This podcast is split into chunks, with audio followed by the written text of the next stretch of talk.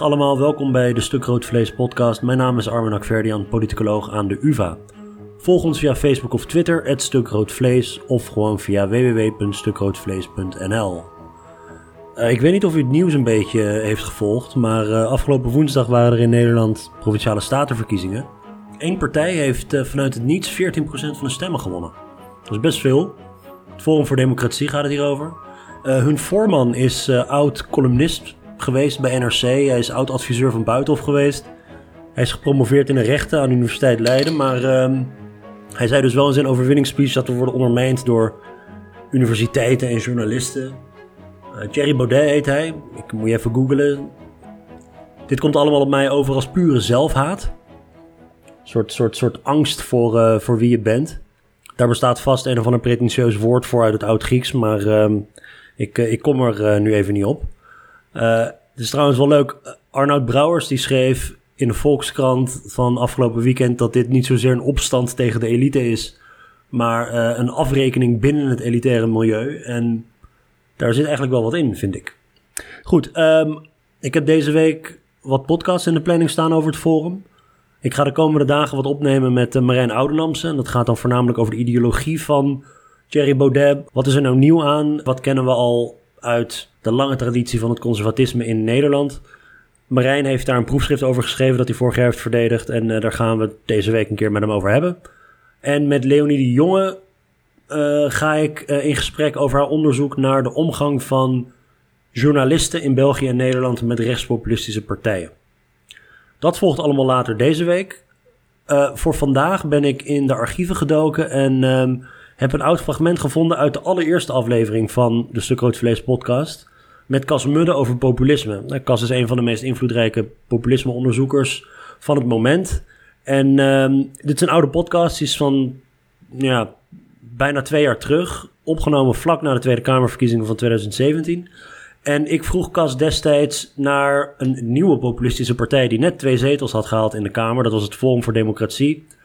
U kunt natuurlijk die volledige podcast terugluisteren. Um, u kunt hem vinden op iTunes, Spotify, Soundcloud, Stitcher of gewoon via www.stukroodvlees.nl.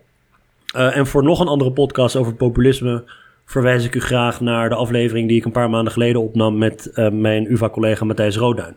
En is ook terug te vinden via die zojuist genoemde uh, kanalen.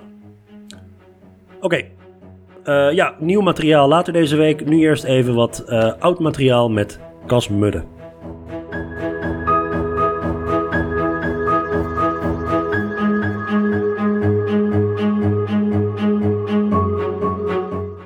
Hebben in Nederland hebben we ogenschijnlijk althans een nieuwe populistische partij in de Tweede Kamer, namelijk Forum voor Democratie. Laat me even iets voorlezen van hun website en dan kun jij vertellen in hoeverre ze voldoen aan de definitie van populisme. Uh, dus dit schrijft de partij op de, op de website. De gevestigde media en de gevestigde partijen willen u anders doen geloven. Maar we leven in een tijd van crisis. Een existentiële crisis bedreigt het voortbestaan van de Nederlandse samenleving. Grenzen worden niet langer verdedigd, we staan bloot aan massale immigratie die we niet aankunnen en de terreurdreiging neemt steeds verder toe. Soevereiniteit wordt overgeheveld naar Brussel. We hebben steeds minder over onze eigen samenleving te vertellen. De euro destabiliseert ons continent en vernietigt de zuidelijke economieën. De kwaliteit van het onderwijs holt achteruit en de zorg gaat gebukt onder zware managementlagen. Te veel regels en belastingen knijpen het MKB af en onze veiligheid op straat wordt in hoog tempo minder. Er moet nu echt iets veranderen in Nederland. Forum voor Democratie is het enige serieuze alternatief voor de huidige politiek. Wij gaan het partijkartel breken en Nederland weer opstoten in de vaart der volkeren. We zien een hoogopgeleid, veilig Nederland voor ons, waarin een nieuw optimisme rondwaart. Met hervonden economische dynamiek, minder overheid, meer respect voor elkaar. Dubbele punt, het Silicon Valley van Europa. Is Forum voor Democratie populistisch? Ja, het is eigenlijk helemaal niet zo gemakkelijk. Um, dat citaat is eigenlijk alleen maar populistisch in het gebruik van we. dus we, daarmee zegt eh, de partij, we zijn onderdeel van het volk. Niet een deel ervan, maar gewoon van alle Nederlanders. En het partijkartel, wat eigenlijk zegt van ja, de corrupte elite. Alle, ze vormen een kwartel, dus ze zijn allemaal hetzelfde. Anderzijds zijn heel veel van de andere punten zijn meer traditioneel radicaal rechts en wat neoliberaal. En um, wat mij het meeste opvalt eigenlijk in, aan, aan vorm van democratie en, en Thierry Baudet is hoe ongelooflijk veel ze eigenlijk op de lijst Pim Fortuyn lijken.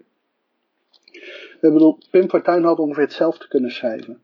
Die had ook altijd een, een sterk neoliberale uh, inslag. Te veel regels en, en geloof in, in de economie en in opleiding. En daarnaast natuurlijk ook dat dandy gedrag van zowel uh, Baudet en, en Fortuyn, wat heel heel anders is dan het, uh, het rechtspopulisme van, van Geert Wilders.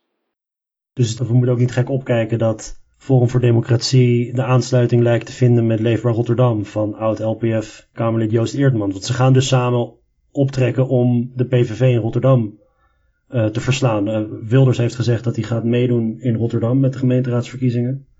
PVV is nu alleen nog vertegenwoordigd in Almere en uh, Den Haag. Dus in die zin zie jij in Baudet een erfgenaam van Fortuyn. Ja, maar wel veel radicaler. Fortuyn was, zijn islamofobie was toch primair ge, geschoold in liberaal-democratische waarden. Terwijl de islamofobie van Thierry Baudet van het Forum heeft sterk nationalistische inslagen. En dan een opmerking natuurlijk als homeopathische verdunning is puur racistisch. Dat soort opmerkingen maakte Pim Fortuyn niet. Maar de PVV is, onder, is, is de afgelopen jaren enorm vervolkst. En, en als gevolg daarvan is zij opgeschoven uh, sociaal-economisch naar links, in ieder geval in haar programma. De wijze waarop ze verkoopt. Ze hij spreekt over Henk en Ingrid, heel erg volkse namen. En de, het Forum uh, komt eigenlijk op voor een soort van, van beter opgeleid rechts rechtspopulisme, wat ook sociaal-economisch rechts is. Maar het is het, ik denk dat er ook een enorme klasseonderscheid zit. En wat dat betreft is het Forum relatief uh, uniek. Wat wel interessant is aan het Forum voor Democratie en aan Thierry Baudet bijzonder is dat hij die kreet partijkartel heeft uh, gepopulariseerd. En iedereen die politicologie heeft gestudeerd, althans in Europa neem ik aan, die vereenzelvigt dit met het werk van jouw promotor, Peter Mer, die samen met Richard Katz in de jaren negentig zeer invloedrijk werk heeft geschreven over wat hij dan de kartelpartij noemde. Kun jij uitleggen wat die kartelpartij inhoudt, zoals Pieter en Dick dat destijds hebben opgeschreven? Ja, um, Pieter sprak over de kartelpartij op twee manieren. Ten eerste als een uh, bepaald type van partijorganisatie waarbij het een partij was die eigenlijk volledig uh, afhankelijk was van de staat. En niet meer echt verbonden was met de samenleving. En, en dus afhankelijk was van staatsdotaties. Primair haar vertegenwoordigers had in staatsorganisaties. En dat en in tegenstelling tot met name de, de massapartij, die duidelijke uh, wortels had in de samenleving. Maar daarnaast was er een uh, in zijn these was er ook een proces van cartelisation, een kartelisatie. En het idee was dat de gevestigde partijen vormden een kartel van, politieke partijen, die eigenlijk de macht een beetje beschermden. En als er een nieuwkomer was, dan sloten, zich, dan sloten ze zich. En als die nieuwkomer te sterk was, dan werd hij eigenlijk opgenomen en gecoopteerd. En ik herinner me dat ik, ik had daar discussies over met Pieter. Omdat ik werkte op dat moment aan mijn uh, doctoraat en mijn PhD over, over radicaal rechtse partijen. En ik zei, ja, dat is precies hetzelfde argument wat um, radicaal rechts gebruikt. Dat je hebt zo'n een kartel en dat die partijen, die doen allemaal alsof ze heel verschillend zijn. Maar als, ze, als puntje bij paaltje komt, als ze echt worden bedreigd in een machtspositie, dan, dan sluiten ze zich, uh, zich in. En dat, dat, dat lag vrij gevoelig op dat moment. Um, en, uh, en Pieter zei het heel, heel erg anders. Maar er, zit, er zat dat aspect in. En als je het latere werk van Pieter leest, dan zie je dat, dat hij daarin ook veel, veel kritischer wordt. En op een bepaalde manier zitten daar populistische aspecten in. Hij, hij, vindt het, hij schreef eigenlijk nooit echt over het volk als zijnde puur. Maar zijn visie op de, op de elite, met name op de politieke partijen, was wel, had wel eenzelfde ondertoon, denk ik, als, um, als Baudet op een bepaalde manier. Nu is de these van de kartelparty als wel cartelization natuurlijk ook erg controversieel. Er zijn verschillende politicologen die hebben beweerd dat het eigenlijk helemaal niet zo werkt. Uh, in deze lange formatie, die uh, inmiddels, ik, ik heb vandaag uh, gelezen dat Zalm het gaat overnemen van Cenk Willink, dus er komt een volgende fase.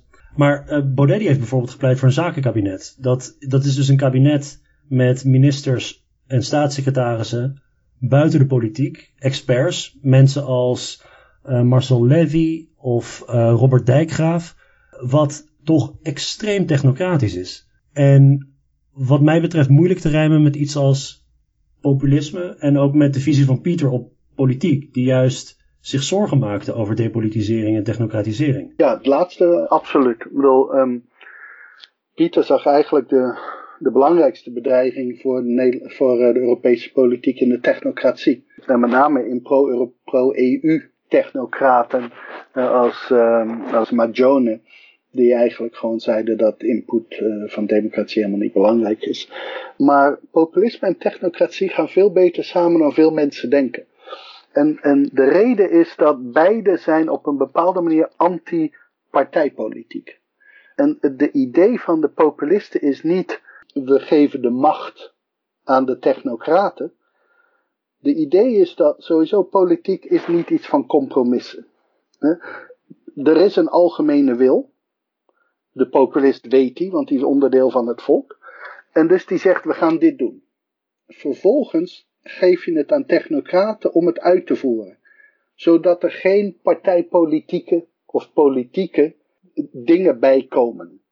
En, dus het, voor hun is het zo, politici hè, kunnen eigenlijk niks. En, en het enige wat die doen, is die maken dingen corrupt als mensen als Baudet, maar ook dat deed Fortuyn. Fortuyn sprak ook over een uh, expertenregering. Maar wat zij daarmee bedoelen is dat de populisten zetten de lijnen uit en de technocraten vullen het in. Oké, tot zover deze duik in de archieven. Excuses voor de geluidskwaliteit. Uh, als ik het me goed kan herinneren, waren zowel Cas als ik zelf op vakantie en moest het even via Skype met, uh, met onze laptops. Hoe dan ook, volg Stuk Rood Vlees via Facebook of Twitter en laat even een rating of een leuk reviewtje achter op iTunes. Bedankt voor het luisteren en tot snel.